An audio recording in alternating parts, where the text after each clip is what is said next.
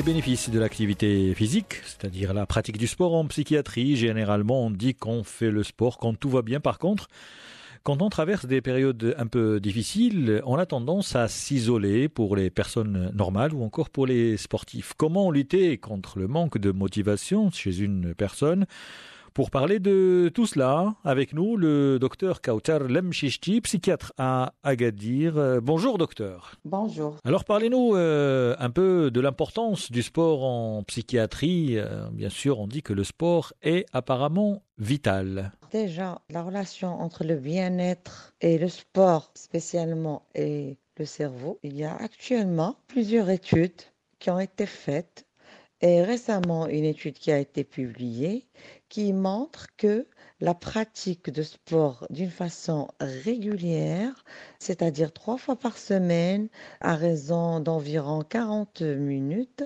peut augmenter le volume de cerveau. La pratique du sport peut avoir un impact direct sur certains organes au niveau du cerveau et euh, surtout l'organe incriminé, ça s'appelle l'hippocampe. Cette histoire d'hippocampe, qu'est-ce que cela veut dire? Euh, Le cerveau est constitué de plusieurs euh, organes et structures. Et l'hippocampe, ce n'est qu'une petite structure située au centre du cerveau, dans ses profondeurs. Il est appelé ainsi pour sa ressemblance en forme avec euh, l'hippocampe, le poisson qu'on appelle aussi le cheval des mers. Il est en quelque sorte une usine où sont produits les nouveaux neurones. Et ce processus de fabrication de neurones est appelé la neurogénèse. On dit que tout part du cerveau et le corps exécute. Euh, on dit aussi que le sport active la sécrétion d'hormones. Peut-on avoir une idée là-dessus? Le sport facilite ou active chez nous la sécrétion d'hormones. En fait, ce sont des facteurs de croissance.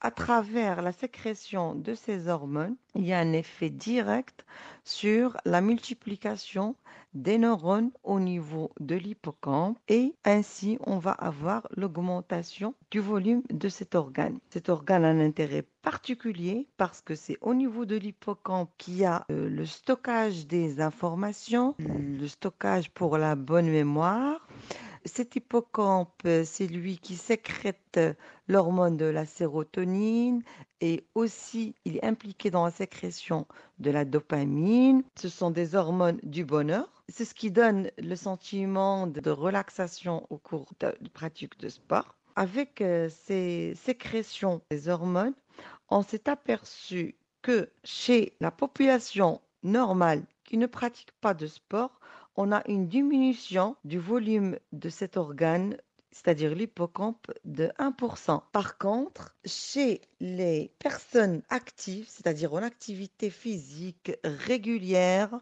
je dis bien en intensité, en matière de temps, c'est-à-dire trois fois à raison de 45 minutes, alors chez ces personnes-là, le volume au contraire, il augmente de 2%. Juste une dernière question. La multiplication des neurones, apparemment, euh, la pratique du sport a une incidence. Est-ce qu'on peut avoir des éclaircissements? On est né avec un stock limité de neurones et que le neurone meurt euh, jour après jour et qu'on ne peut pas les récupérer. Maintenant, avec euh, la neuroscience, c'est une discipline qui a prouvé que non, on peut avoir une neurogénèse, c'est-à-dire la création de nouvelles neurones au niveau de notre cerveau à travers la stimulation de facteurs de croissance. C'est important pour dire que les gens qui pratiquent du sport, leur stock de neurones va être plus que la moyenne, donc ça va les protéger des maladies neurodégénératives. Les études ont prouvé que si jamais ces sportifs sont atteints